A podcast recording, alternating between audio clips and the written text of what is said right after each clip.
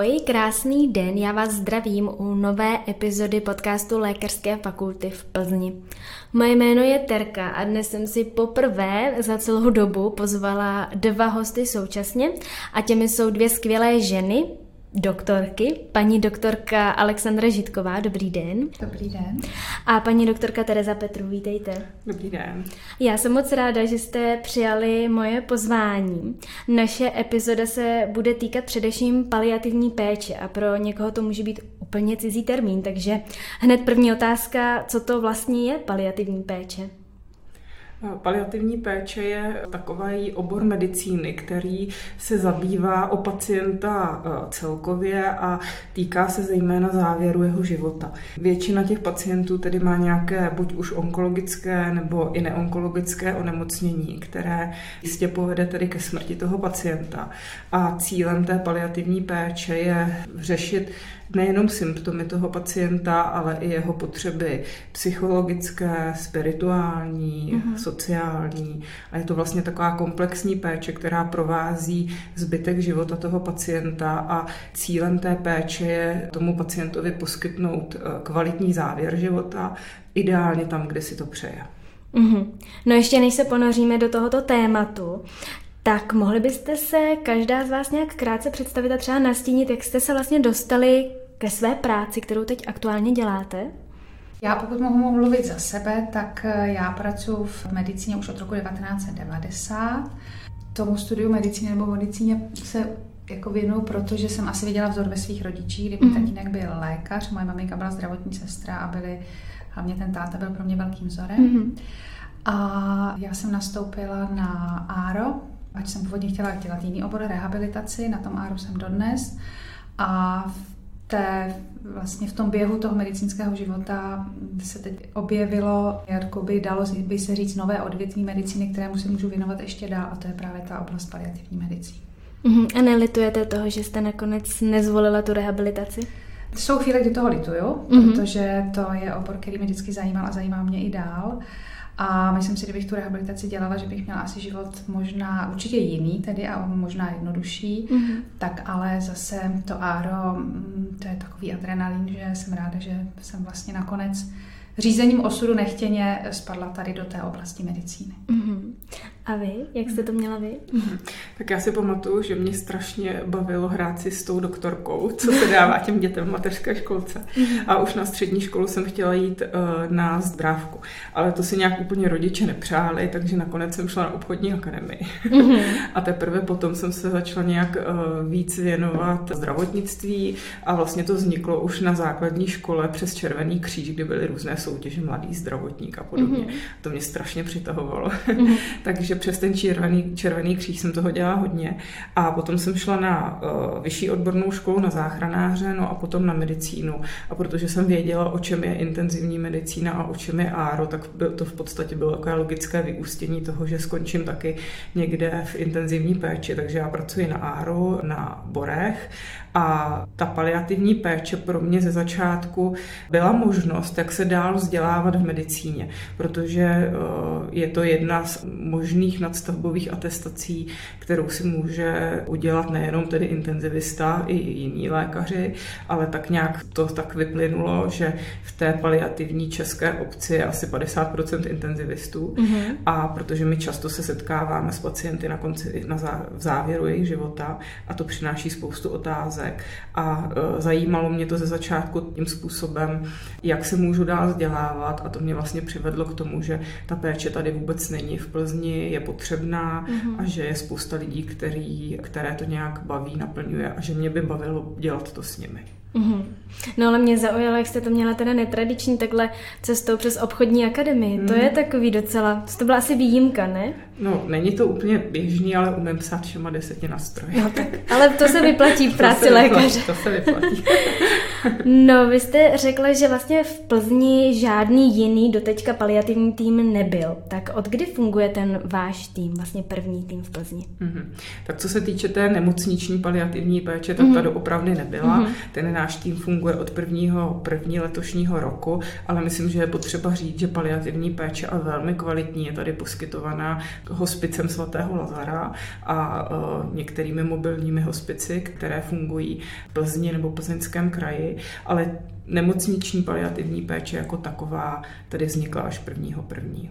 Já mám ještě takovou otázku. Jestli vás právě k tomu založit paliativní tým nenavedla ta pandemie covidu, protože Možná jste třeba zaregistrovali, že najednou ta péče tohoto typu je mnohem více potřeba, nejenom u onkologických pacientů, ale i u jiných pacientů, kteří se možná i báli koronaviru nebo mm, dokonce se jim zhoršilo kvůli tomu i jejich e, vlastní onemocnění, tak jestli to třeba nějakým způsobem neovlivnilo ten váš postup nebo i tu touhu založit paliativní tým eh, ve fakultní nemocnici v Plzni? Tak eh, samozřejmě COVID eh, úplně změnil názor některých z nás na medicínu, určitě změnil názor společnosti na medicínu. Mm-hmm. Nicméně to, že v, ve fakultní nemocnici je třeba paliativní tým, bylo jasné už někdy od roku 2016. Tam bylo pár lidí, kteří věděli, že ten paliativní tým je tam třeba, že mm-hmm. jednou přijde čas, kdy bude třeba vytvořit, ale nebyl tam spíš čas a prostor, kromě svého základního oboru, věnovat další energii tady tomu. Takže eh, COVID eh, tomu eh, nemůžu říct napomohl, ale v podstatě po tom COVIDu se ta medicína ubírá trošku jako modifikovaným způsobem, jiným směrem a jenom to, dá se říct, urychlilo to vlastně tu touhu nebo spíš tu potřebu toho paliativního týmu. Samozřejmě, eh, kdyby ten paliativní tým měl už nějaké, jakoby byl etablován už v průběhu toho covidu, tak možná, že určitou roli v období toho covidového časového úseku sehrál, ale prostě historie to takhle přinesla a během covidu dozrálo v hlavách některých z nás prostě to přesvědčení, že to být musí a že už není možné otálet. Mm-hmm, mm-hmm. No, já vidím před sebou dvě lékařky, takže si umím představit, že do týmu, paliativního týmu patří pochopitelně lékaři, ale kdo je tam ještě další? Kdo ještě přispívá do té paliativní péče? Samozřejmě nedílnou součástí naší práce jsou sestry. Máme jednu sestru na plný úvazek a jsou tam dvě sestry na částečný úvazek. Jsou tam psychologové, máme tam klinického farmaceuta, Máme tam psychologi, máme tam kaplana. Máme ještě nutričního, nutričního specialistu, kterého mm-hmm. využíváme tady velmi výjimečně, ale je i součástí našeho týmu. Mm, a co potom teda ten nutriční specialista dělá, nebo v čem může pomoct? Uh, tak výživa je velice důležitou součástí péče o paliativní mm-hmm. pacienty mm-hmm. a v podstatě e, onkologická klinika, která má asi nejvyšší počet pacientů, tedy jako samozřejmě s rakovinovými diagnózami, tak ta má svého vlastního nutričního terapeuta, terapeuta, který se účastní vlastně té léčby v podstatě při každé ambulantní kontrole, mm-hmm. aby eh, ten organismus měl dostatečné energetické zásoby k tomu, aby s tou zákeřnou nemocí mohl bojovat. Takže mm-hmm. ta výživa je opravdu, ač to tak nevypadá, tak mm-hmm. velmi důležitou součástí té léčby a péče. Mm-hmm, určitě. Možná by naše posluchače zajímalo, v čem se vlastně vaše péče, ta paliativní péče, eh, líší oproti té hospicové, protože to se možná tak jako dá i lehce zaměnit, nebo mm-hmm. jestli to s tím souvisí? Mm-hmm. Dá se to lehce zaměnit, ale je to velmi podobné. Eh, my cílíme na takzvanou časnou paliativní péči. To znamená ta, která je poskytovaná během hospitalizace toho pacienta a potom toho pacienta předáváme ideálně do péče nějakého ambulantního paliatra, a mimochodem paliativní ambulanci my taky budeme mít. A my většinou stojíme, jestliže se člověk pohybuje na nějaké trajektorii té paliativní péče, tak my většinou stojíme na začátku na začátku poskytování té paliativní péče, když to hospicová péče je naopak spíše až na konci toho mm-hmm, života. Mm-hmm. Je spousta pacientů, kteří uh, se dozví nějakou nepříznivou zprávu, rodina a oni jsou ještě schopni uh, být doma, rodina jim u toho pomáhá, jsou mobilní, pohybují se, dobře ještě prosperují, ale my víme, že tady ten čas už třeba bude nějak ohraničený.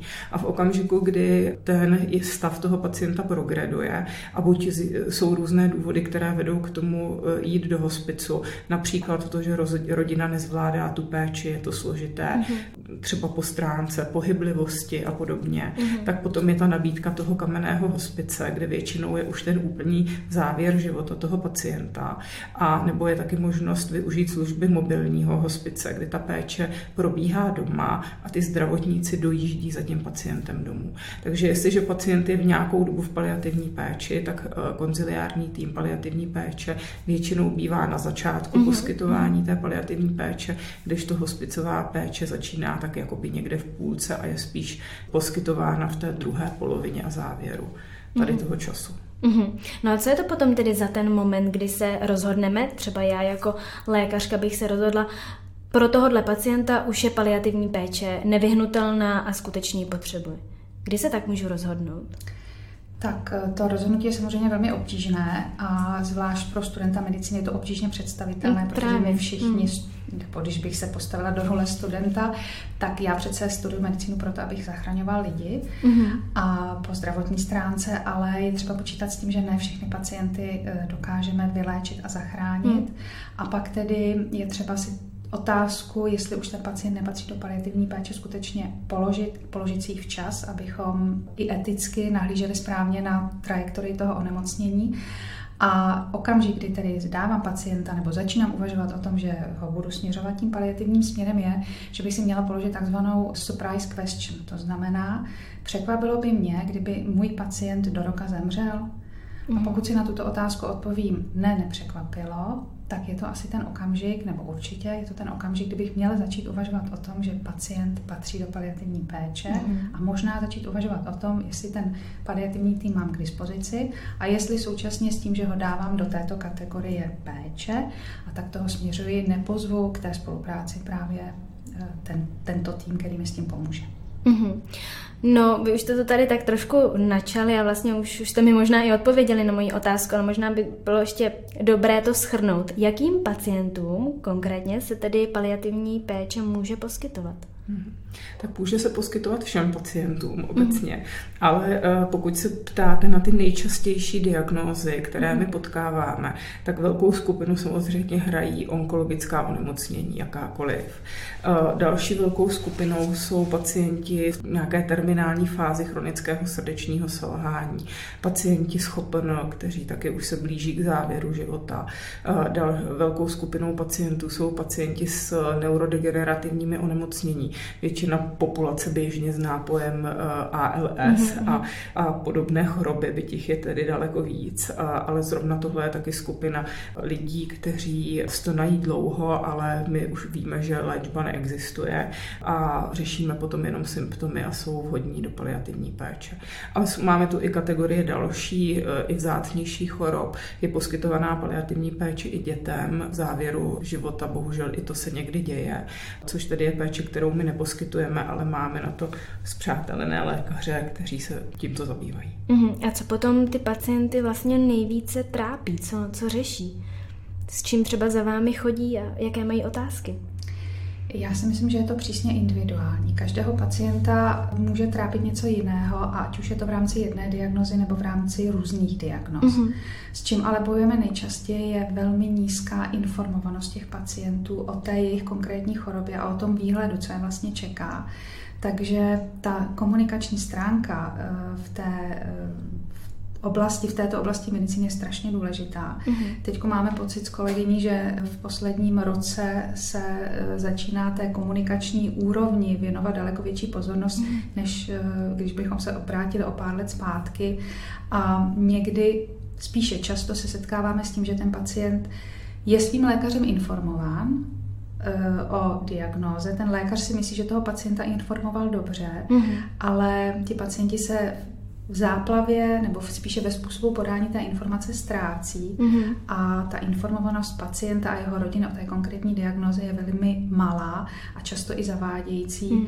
Takže i to byl jedním z těch důvodů, proč jsme se rozhodli tady tu část medicíny dělat, abychom zvedli úroveň nebo vůbec povědomí o tom, jak komunikovat s pacienty eh, všeobecně, ne v závěru hmm. života, protože to si myslíme, že je eh, oblast, která je zapomínaná a doufáme, že se teda úroveň tady té komunikační dovednosti v krátké době zlepší.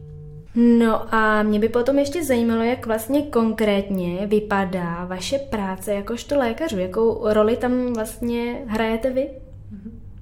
Tak my, když jdeme z různého důvodu eh, za tím pacientem, tak většinou řešíme míru jeho prognostického uvědomění. To je to, o čem mluvila paní doktorka, mm-hmm. protože my, když někomu sdělíme nějaké množství informací při třeba návštěvě pacienta v ambulanci a jsou to takhle těžké zprávy, tak v okamžiku, kdy se tomu pacientovi řekne, eh, je to špatné, v tom okamžiku se dá říct, že ten pacient přestává slyšet. Mm-hmm. A to znamená, že on si odnáší pouze, je to to špatné. A kdyby se ho rodina potom ptala, co si se tam všechno dozvěděl, hmm. tak v tomhle okamžiku končilo to, co on slyšel. Byť těch informací mu bylo podáno daleko víc.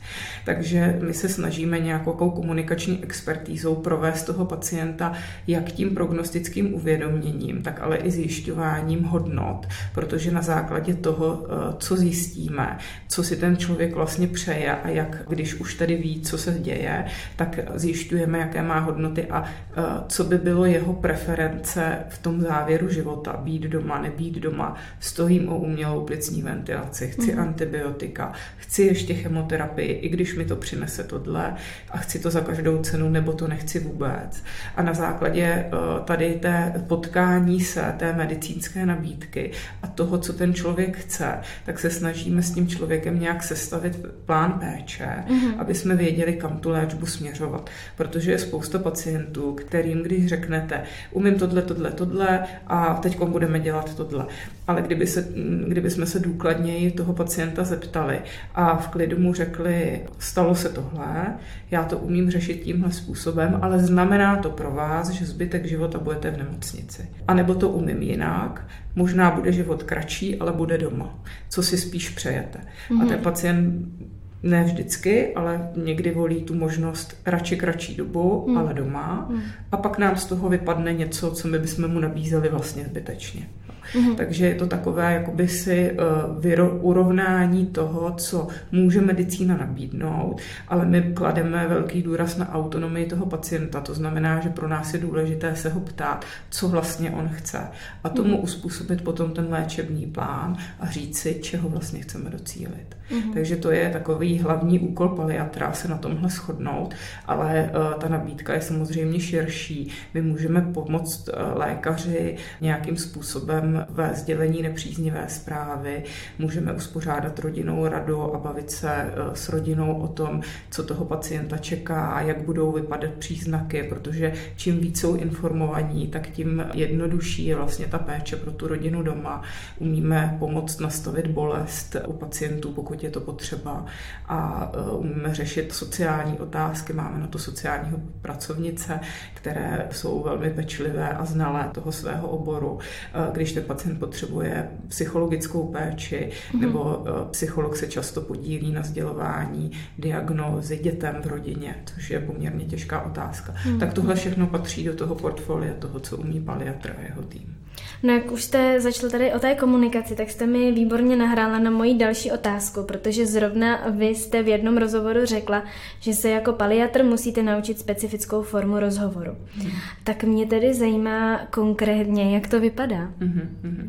Tak pro všechny z nás možná bylo překvapením, když jsme se začali učit specifickou formu rozhovoru, mm. ale velmi asi rychle jsme pochopili, že je naprosto účelná. Já možná navážu na to, jak jsem říkala, že mm, my máme jako lékaři tendenci přesycovat pacienty informacemi a často informacemi, kterým nerozumí a někdy o ně ani nestojí. Mm. Takže uh, ta naše komunikace se většinou děje s otázkami můžu a můžeme si teď o něčem povídat a čekáme na souhlas toho pacienta a vlastně se ho i aktivně ptáme, jakou míru informací on by chtěl slyšet. Pokud tohle získáme, tyto informace, tak potom eh, ho provázíme dál. Máme třeba i nějaký specifický protokol, který nám pomáhá sdělit nepříjemnou zprávu a ten rozhovor eh, většinou končí tak, nebo ideálně by měl končit tak, že my mluvíme 20% času a pacient 80%. A hmm. když je to dobře vedeno, tak do toho jde doopravdy docílit a většinou nám v tom tedy hodně pomáhají otázky. Ten pacient je většinou nějakým způsobem informovaný od lékaře, protože ví, že se pohybuje v nemocnici a naše vlastně jedna z prvních otázek je, jak rozumíte svoji nemoci. Mm-hmm. A my mhm. vlastně ten člověk začne mluvit a na to konto zjistíme, kolik toho vůbec ví, rozpovídá se a už jenom na tuhle první otázku většinou odpovídá víc času, než my jsme se zeptali. Ta mhm. jeho odpověď je delší než ta naše otázka. Pak se ptáme dál, jestli chce nějak rozšířit ty informace, kdo je jeho osoba blízká, jaké jsou jeho hodnoty, co by si přál, kdyby. Mm-hmm. Jo. Mhm. Také se učíme číst emoce u toho pacienta, to znamená, že koukáme na to, jak reaguje. Většinou ty pacienti mají nějaké obavy, strach a to je to, to co je trápí. Hmm.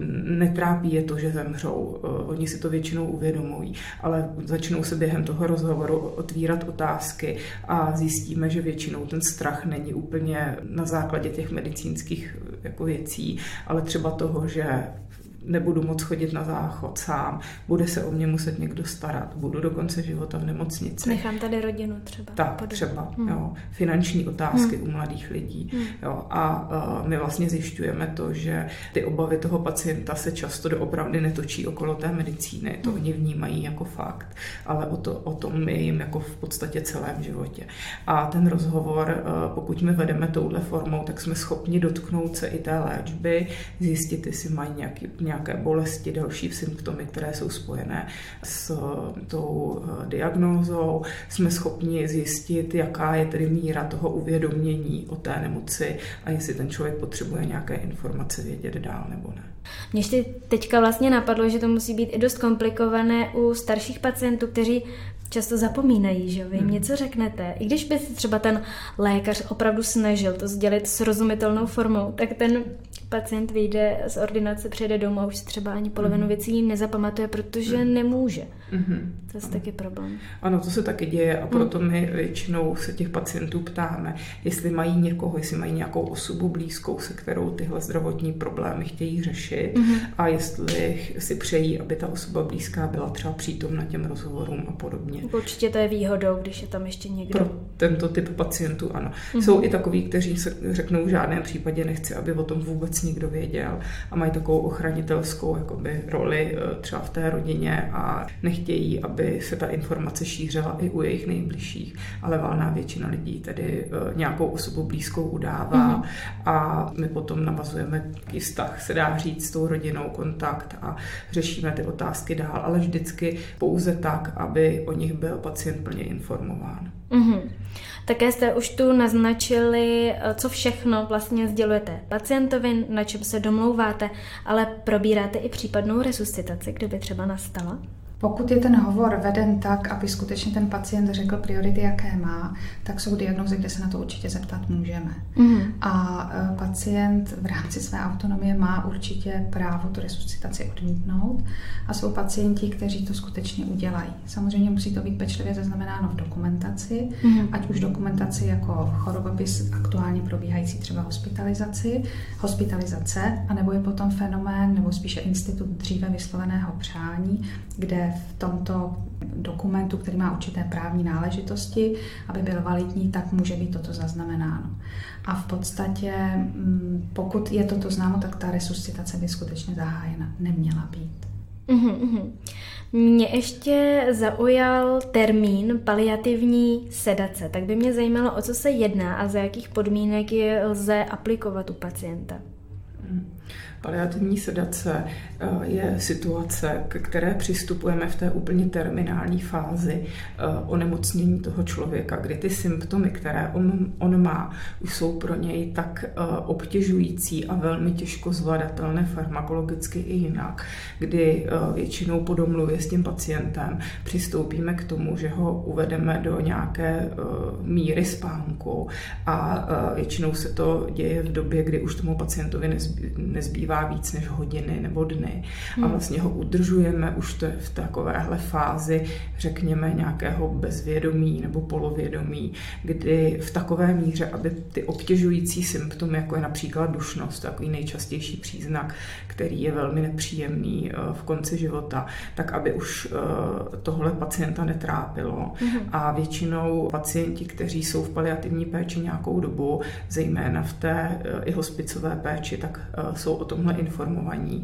A někdy dochází do opravdy i k tomu, že se ten lékař dohodne s pacientem o tom, že toto existuje. Až to bude úplně nevyhnutelné, tak k tomuhle přistoupíme a vy budete ten, kdo si řekne, že to chce nebo nechce.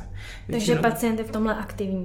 je, ano, je, Musí, musí říct, že to chce ano, tedy. ano, Mhm. ano. Mhm. Uh, Většinou ty léky, které se používají, tak jsou nějaké, uh, nějaká uh, sedativa uh, typu benzodiazepinu a podobně a když to pacient potřebuje, tak i opiáty. Mhm. No, už to tady také eh, načnuli rodiny a vlastně to, jak rodiny přistupují jednak k těm diagnózám a potom k celé péči o pacienta. Jak vlastně spolupracují pacienti a rodiny? Eh, Zažili jste třeba nějaké situace, kdy to bylo opravdu komplikované? Tak eh, vztahy obecně jsou komplikované a v průběhu nemoci, ať už je to jakákoliv, ať už je to onkologická diagnóza nebo péče v závěru života, tak eh, tam vyvstanou ty problémy, které jsou Mhm. už v průběhu života těch pacientů a my to sledujeme a to je jediné, co s tím můžeme dělat, ale samozřejmě my to nevyřešíme. Jsou rodiny, které se tady v té těžké situaci semknou a pak je to samozřejmě s výhodou pro Hmm. obě strany, samozřejmě v první řadě pro pacienta, ale i pro nás se potom lépe spolupracuje. Ale samozřejmě setkáváme se i s nefunkčními rodinami, kde navození nějakého vlastně kontinuálního procesu ve prospěch toho pacienta je potom o to náročnější. Mhm. Ale když si teda pacient pro něco rozhodne, tak on má to poslední slovo. Eh, To je velice těžká otázka a na ní je ještě složitější odpověď. Mhm. Mm-hmm. Samozřejmě záleží, jestli ten pacient je, jak se říká v právní hantýrce, kompetentní Mhm.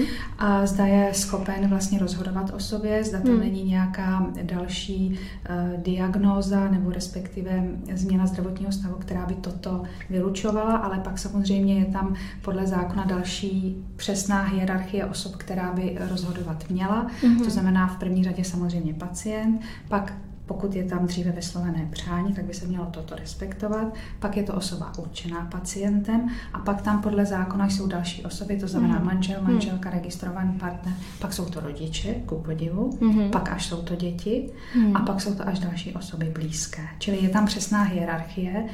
Ten pacient je jako první a tady v tom seznamu lékař je až na konci toho seznamu. Mhm. Mhm. Jo? Takže jestliže dříve, a stále to v medicíně přetrvává, že lékař si do určité míry někde bere předprávo, že rozhodne o životě toho pacienta, tak vlastně by to tak nemělo být. Hmm. A stává se potom, že třeba rodina vyloženě nesouhlasí s tím, jakým způsobem se pacient rozhodl a jde proti vám, jakožto lékaři?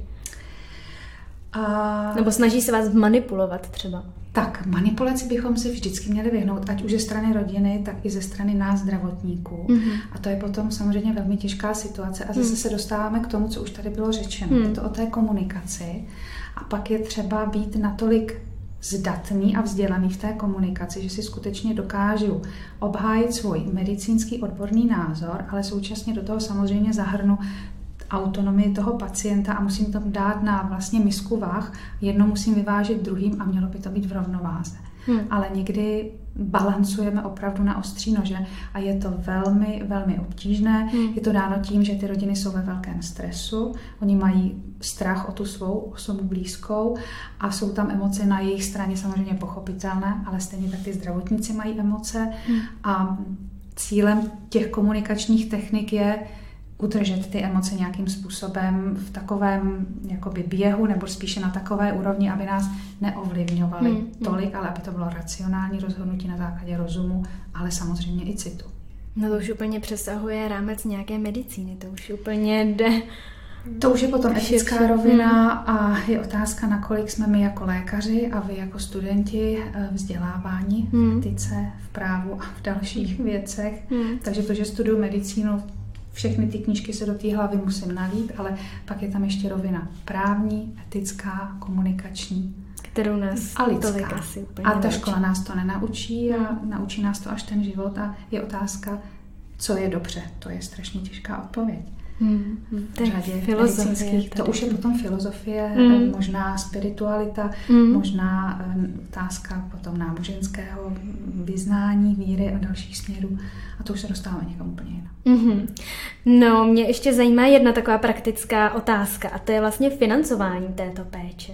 Ve chvíli, kdy je to pacient, který má paliativní péči v nemocnici. Mhm. My teď stojíme na takovém rozhraní toho, že se paliativní péče eh, rozvíjí v nemocnicích. Eh, Paliativních týmů funguje okolo 30 eh, v České republice a myslím si, že je to pro nás velmi nový obor, mladý v Čechách. A myslím si, že dojde k tomu, že se to financování bude ještě během následujících 10, 20, možná i více let významně měnit, protože se předpokládá, že stoupne ještě více potřeba paliativní péče, respektive ji začnou lékaři více využívat a proto bude eh, kladen větší důraz eh, na tento typ péče. V podstatě se hodně říká teď, že eh, už medicína 21. století se nedá dělat bez paliativní péče. Hmm. Něco na to možná trošku bude. Teď momentálně je, to palia, ta, je ta paliativní péče hrazena podle vyhlášky Ministerstva zdravotnictví, kdy když splníte nějaké dané podmínky, jako je například velikost toho týmu a jeho personální vsazení, tak dostanete za rok nějaký balík peněz a s tím si hospodařte. Takže to je základní eh, financování. Samozřejmě ty týmy někdy využívají i nějaké sponzorské dary, dotační Mhm. programy a podobně. Mhm. Takže pacient si to eh, nehradí nějak Ne, sám. Mhm. To- Zatímco třeba ty hospici, mobilní hospici si hradí. Mhm. Tam už je trošku rozdíl, eh, jak mobilní, tak i kamenný hospic je služba částečně spoplatněná. Mhm. To znamená, že se platí nějaký poplatek na jeden den a je to vlastně příspěvek na ošetřování, na péči o toho ne- nemocného, nebo spíš za to, že tam jako leží a podobně. Jo. Ale do toho přistupuje i nějaká částečná forma úhrady zdravotní pojišťovnou, ale samozřejmě, aby ten hospic poskytoval kvalitní péči, tak jak ji poskytuje, tak těch finančních prostředků potřebuje víc, než ta pojišťovna dává. A to kryje většinou to, eh, ta platba od toho pacienta. Mhm, mhm. No, jak to tak poslouchám, tak eh, je to poměrně smutné téma. A nebo možná, jak se to vezme, vy to vidíte už jinak, ale eh, zajímalo by mě, jak zvládáte právě ten stres, nebo já si myslím, že to je asi otázka, na kterou jste zvyklí možná i od ostatních, že se vás třeba na to ptají, jak to zvládáte, ty negativní osudy, ty, to umrtí těch pacientů, to vidíte každý den, tak jak se s tím vyrovnáváte? Tak asi velkou roli hraje čas a když vlastně vstupujete do té medicíny jako čerstvý absolvent, tak eh, vlastně máte velkou obavu z toho, že uvidíte úmrtí svého prvního pacienta. Mhm. Tím, jak se v tom pohybujete potom vlastně denodenně, tak eh, získáte, a teď to nechci nazvat nadhledem, Mhm. ale eh, každý má svůj nějaký vnitřní pojistný systém, eh, který mu pomáhá se vlastně s tím vyrovnávat. Mm. Někdo maluje obrazy, někdo sportuje, někdo zpívá, někdo holduje alkoholu, Mhm. ale každý má prostě nějakou svou vnitřní pojistku. Eh, Každý si tu svoji pojistku musí najít sám a pak je samozřejmě ideální, pokud máte nad sebou nějakého supervizora, kterému můžete sdělit, nebo který s vámi rozebírá ty vaše, eh, ať už příjemné nebo nepříjemné Hmm, pocity. Samozřejmě, když pracujeme v rámci paliativního týmu, tak tam je teď ze zákona dané, že musíme mít svého supervizora, Mhm. takže my třeba teď, když jsme k vám jeli, tak jsme jeli ze supervize, kterou jsme měli s naší paní psycholožkou a tam jsme konkrétně rozebírali jako tým věci, které jsou pro nás nepříjemné a ona nám radila, nebo navzájem jsme si říkali prostě věci, které každému z nás pomáhají. Mhm. Samozřejmě ta supervize by měla být obecně ve zdravotnictví, No. takže kdybych měla mluvit teď za lékaře intenzivní péče nebo lékaře, který občas pracuje na emergency, tak i tam jsou ty situace velmi, velmi vypjaté. A tam je hlavně eh, ten náraz, že jo, tam se setkáváte se situací, kde tam dojde třeba náhle k úmrtí. Mhm. Tady do určité míry je to věc spíše očekávaná, takže tam na tom procesu můžete nějak pracovat. A když se Mhm. tam jedná o náhlé úmrtí, tak je to velmi náročné a v podstatě eh, v 90% si můžu dovolit říct pracovišť třeba tady eh, jako urgentních příjmů a intenzivních péčí, žádná taková supervize neexistuje. Hmm. Takže ten každý z nás, ať už jsme to lékaři nebo sestry, si musí najít tady nějaký ten systém. Je to náročný, ale dá se s tím pracovat. A ta paliativní medicína, když to vidíte poprvé, tak si řeknete, ono je to o smrti, ale ono to není o smrti. Ono je to právě o tom, že eh, nabídnout tomu člověku, který je v závěru svého života, aby ten, tu část, kterou tady ještě na tom eh, světě stráví, tak aby byla hezká. Mm-hmm. No ještě mě teďka takhle napadlo, že vlastně během covidu mám pocit, že i v spoustě nemocnicích něco jako supervize pro lékaře nebo pracovníky obecně fungovalo. Já vím, že třeba nám to říkal právě doktor Martin Straka, který tady byl nedávno, nebo myslím, že to možná říkal i v jiných rozhovorech, že v Sokolově měli normálně na těch odděleních psychologa, který byl pro ty lékaře tam, pro ty, pro ty zdravotníky, mohl s nimi právě probírat ty, ty emoce a to, co je vlastně tíží. Ale vlastně taky nevím, jestli jako se v tom třeba pokračuje. Ta nabídka ze strany fakultní nemocnice uh, nějaké psychologické péče pro lékaře taky byla. Mm-hmm. Na druhou stránku je potřeba říct, že nebyla téměř využívaná. Jo. Protože, nebyl zájem o to. Myslím, že nebyl zájem, protože uh, nás to nikdo neučil. Někdo to bere i jako možná osobní prohru, to, že něco takového potřebuje. A český lékař na to není vůbec zvyklý. Takže já si mm. myslím, že věc je to velmi potřebná. Na druhou stránku její prosazení do medicíny a uh, uvědomění si i těch jednotlivých lékařů, že to pro ně může mít nějaký přínos, je běh na dlouhou trať, podle mě. Mm-hmm. No a jak se vyrovnáváte tedy vy? Konkrétně třeba s, s touhle s tou tak já složkou medicíny. celou dobu říkala, co na to odpovím. a je to tady. Jestli, jestli mě něco napadne. Eh, já souhlasím přesně s tím, co říká paní doktorka. Každý si nějaký ten mechanismus najde, ale trošku se stotožňuji i s názorem Kateřiny Rusínové, která, eh, možná jste viděli film Jednotka paliativního života jednotka intenzivního života, pardon, kde se jí nějaká studentka přesně ptá na to podobné a ona tam říká něco ve smyslu, ale to je přece moje práce, proč já bych se tady z toho měla hroutit? Mm-hmm. Já jsem tu expert na to, že umím lidi léčit, že jim mám říkat pravdu, že je mám informovat o tom, co se děje a co bude. A já to tak trošku vnímám taky tímto způsobem, že všichni uh, máme nějaké kompenzační mechanismy, ať se děje něco v rodině, v práci a využíváme je, ale, to, ale vnímám to tak, takže to je doopravdy naše práce a pokud ji děláme dobře, tak do toho patří i to, že komunikujeme s lidmi a přináší to někdy eh, složitá témata. Ale na druhou stránku nám to přináší i radost. Já hrozně vnímám tu složku té radosti v té paliativní péči, protože eh, většinou na začátku stojí pacient a otevře se nějaké velmi těžké téma, například hmm. to, že zůstává dítě v rodině, o kterého se ale vůbec nemá kdo postarat, což se nám taky stalo. A byť teda se to skončilo tak, že, ten, že to dítě šlo do pěstounské péče, tak to ale v tu chvíli byla nejlepší možná varianta, která pro to dítě dopadla. Jo, takže a to se otevíraly daleko horší varianty toho, že to dítě zůstane v dětském domově a podobně. Takže vlastně, byť to jsou témata těžká, tak pokud se tomu týmu podaří a samozřejmě tomu pacientovi a rodině nějak vyřešit toho, co ho tíží, což se většinou podaří, mm-hmm. mám takový pocit, tak je to vlastně vlastně radost, protože eh, máme velmi dobré odezvy, že chodí rodiny těch pacientů, kteří třeba už zemřeli, ale velmi děkují za to, že si s nima někdo popovídal, že vlastně se otevřely témata, na které by možná nedošlo, kdyby hmm. do toho nevstoupil někdo jiný a je to vlastně radost. Možná je to právě i o tom, jak jste říkala, že mezi lidmi není úplně automatické vyhledávat psychologii a tímhle tím možná se právě otevřou ty témata, které mm. oni by je neřešili, že v psychologii, protože by ani nikam nešli to řešit. Ano. A tímhle tím to je možná možnost, mm-hmm. jak něco řešit, mm-hmm. něco změnit mm-hmm. v těch rodinách. Mm-hmm. Mm. Je to tak. Ty pacienti většinou už nějakým způsobem vnímají to, že eh, se blíží závěry života a o to palčivější a důležitější jim přijde někdy to téma otevřít a vidí to jako prioritu najednou. Mm-hmm. Byť to třeba celý život odkládali řešení nějaké otázky. Mm. No a potom většinou se stane i to, že to řešení je na snadě, protože ta situace tomu nahrává a je rychlé. Takže doopravdy to není jenom o tom, že to je smutný obor. Já si myslím, že někdy, že byť všichni víme, jak skončí, tak ale nás to nějak vrací do takové té humánní stránky té medicíny, což jsme možná někteří dlouhá léta nezažívali. Hmm. Například anesteziolog je taková složka mechanismu uspat, probudit a vlastně často ani neví, jak se pacient přesně jmenuje hmm. a neví o něm lidsky vůbec nic. A myslím si, že to je jeden z těch důvodů, proč tenhle obor dělají intenzivisti, protože se často setkávají s tím, že jejich pacient spí, v okamžiku, kdy už je nepotřebuje, tak eh, toho pacienta probudí, ale už ho odkládají do hmm. nějakého nižšího typu péče.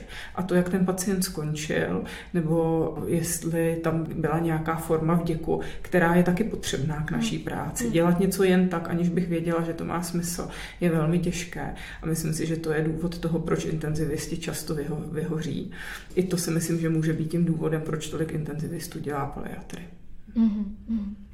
Já bych na vás měla ještě poslední otázku. Jestli byste vy sami za sebe chtěli něco ještě vzkázat na závěr našim posluchačům. Tak, eh, chtěli bychom poděkovat, že jsme mohli být mm-hmm. součástí tady toho rozhovoru, alespoň za sebe. Děkuji. Já taky moc děkuji. A studentům bych chtěla vzkázat, že se na ně těšíme, mm-hmm. protože od příštího roku tu část, která se týká paliativní medicíny, je budeme vyučovat, protože se nám podařilo prosadit tady ten mm. předmět na lékařskou fakultu tady. V jakém ročníku? Takže ve čtvrtém ročníku od eh, vlastně příštího letního semestru. Mhm. Čtvrtáci mm. příští rok budou našimi studenty. My se na ně moc těšíme. Mm-hmm. Připravujeme pro ně, doufám, zajímavá praktika a přednášky a mm-hmm. Těšíme se na to, že naučíme tu medicínu dělat ještě trošku jinak, než třeba staří lékaři učili nás. Mm-hmm.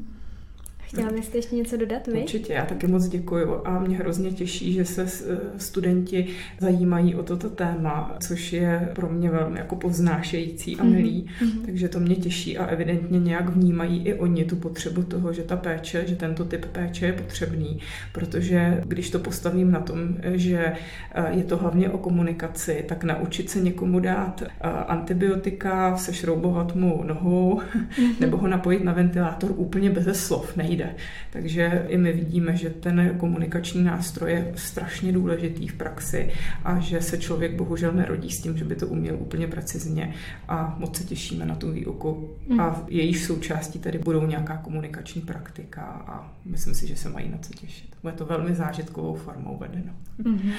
Toto jsem potom zvědavá na ohlasy, co budu říkat. My taky.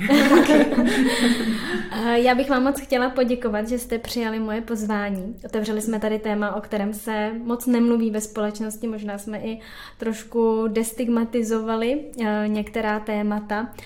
Já vám přeji mnoho úspěchů nadále, i když už jste obě velmi úspěšné, tak ať pokračujete tím správným směrem. Mějte se moc hezky a nashledanou. Děkujeme, nashledanou. Děkuji, nashledanou.